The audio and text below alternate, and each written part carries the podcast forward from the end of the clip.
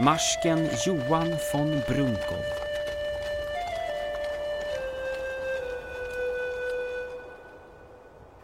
Foss och Svallabäck har allt i ordning. Mm, det var ju listigt att klä knäktarna i vanligt husfolkskläder.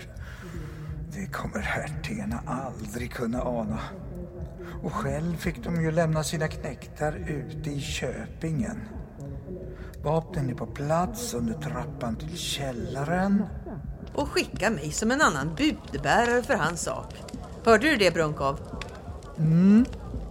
Jo, det är illa gjort. Det är så att blodet kokar i mig.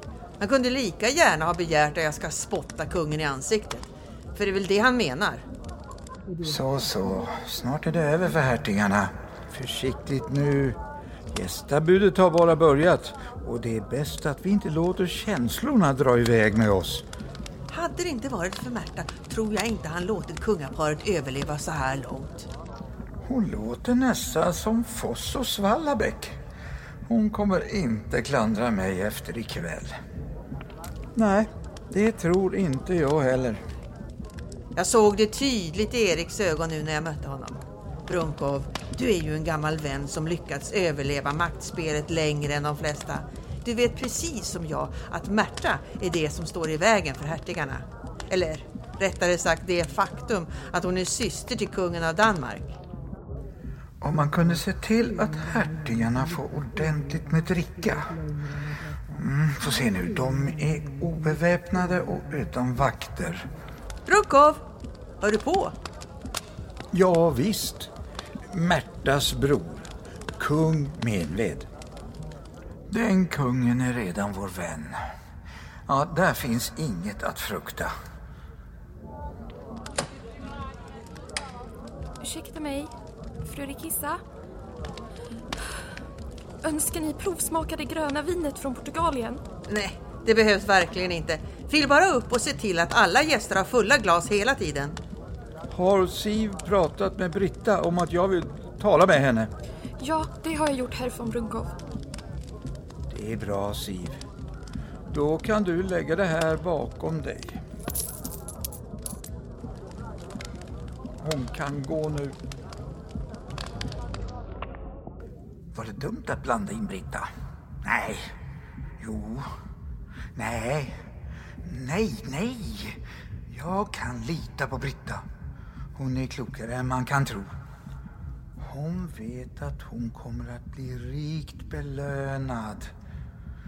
Och hertigarna kommer aldrig att misstänka henne. Uff, nu blir jag mörk till sinnet, Brunkov. Här sitter jag och klagar på pojkarna, men samtidigt är det ju jag som har uppfostrat dem. Det är just snyggt. Så ja, kära Rikissa. Lägg inte för mycket skuld på dig själv nu. Borde jag ha valt att inte tacka ja till det här? Jag hade ju kunnat stanna utöver den här kuppen. Nej, vänta nu, riddare Brunkov. Kung Birger kommer att tacka mig. Kung Menved kommer att tacka mig. Så gott som de flesta storherrarna kommer tacka mig.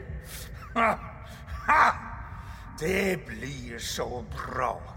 Så fort de sitter fängslade så blir det jag som kastar nyckeln i Nyköpingsån. Brunkov!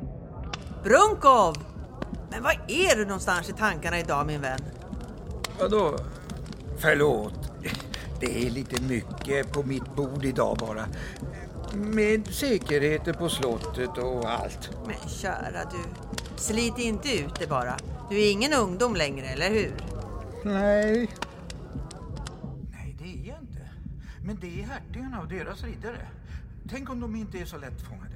Går den minsta lilla detalj snett riskerar jag att göra mig skyldig till historiens värsta skandal. Jag kommer att bli steglad i Stockholm till allmän varning för folket.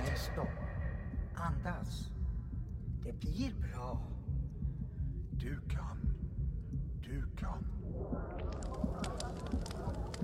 Fru Rikissa, jag måste gå. Hopp, hopp. Såja, Johan von Brunkov löser hela brödratvisten och blir rikt belönad och ihågkommen för det för evigt. Eller? Jo. Nej. Jo. Jo. Jo. Så ska det bli.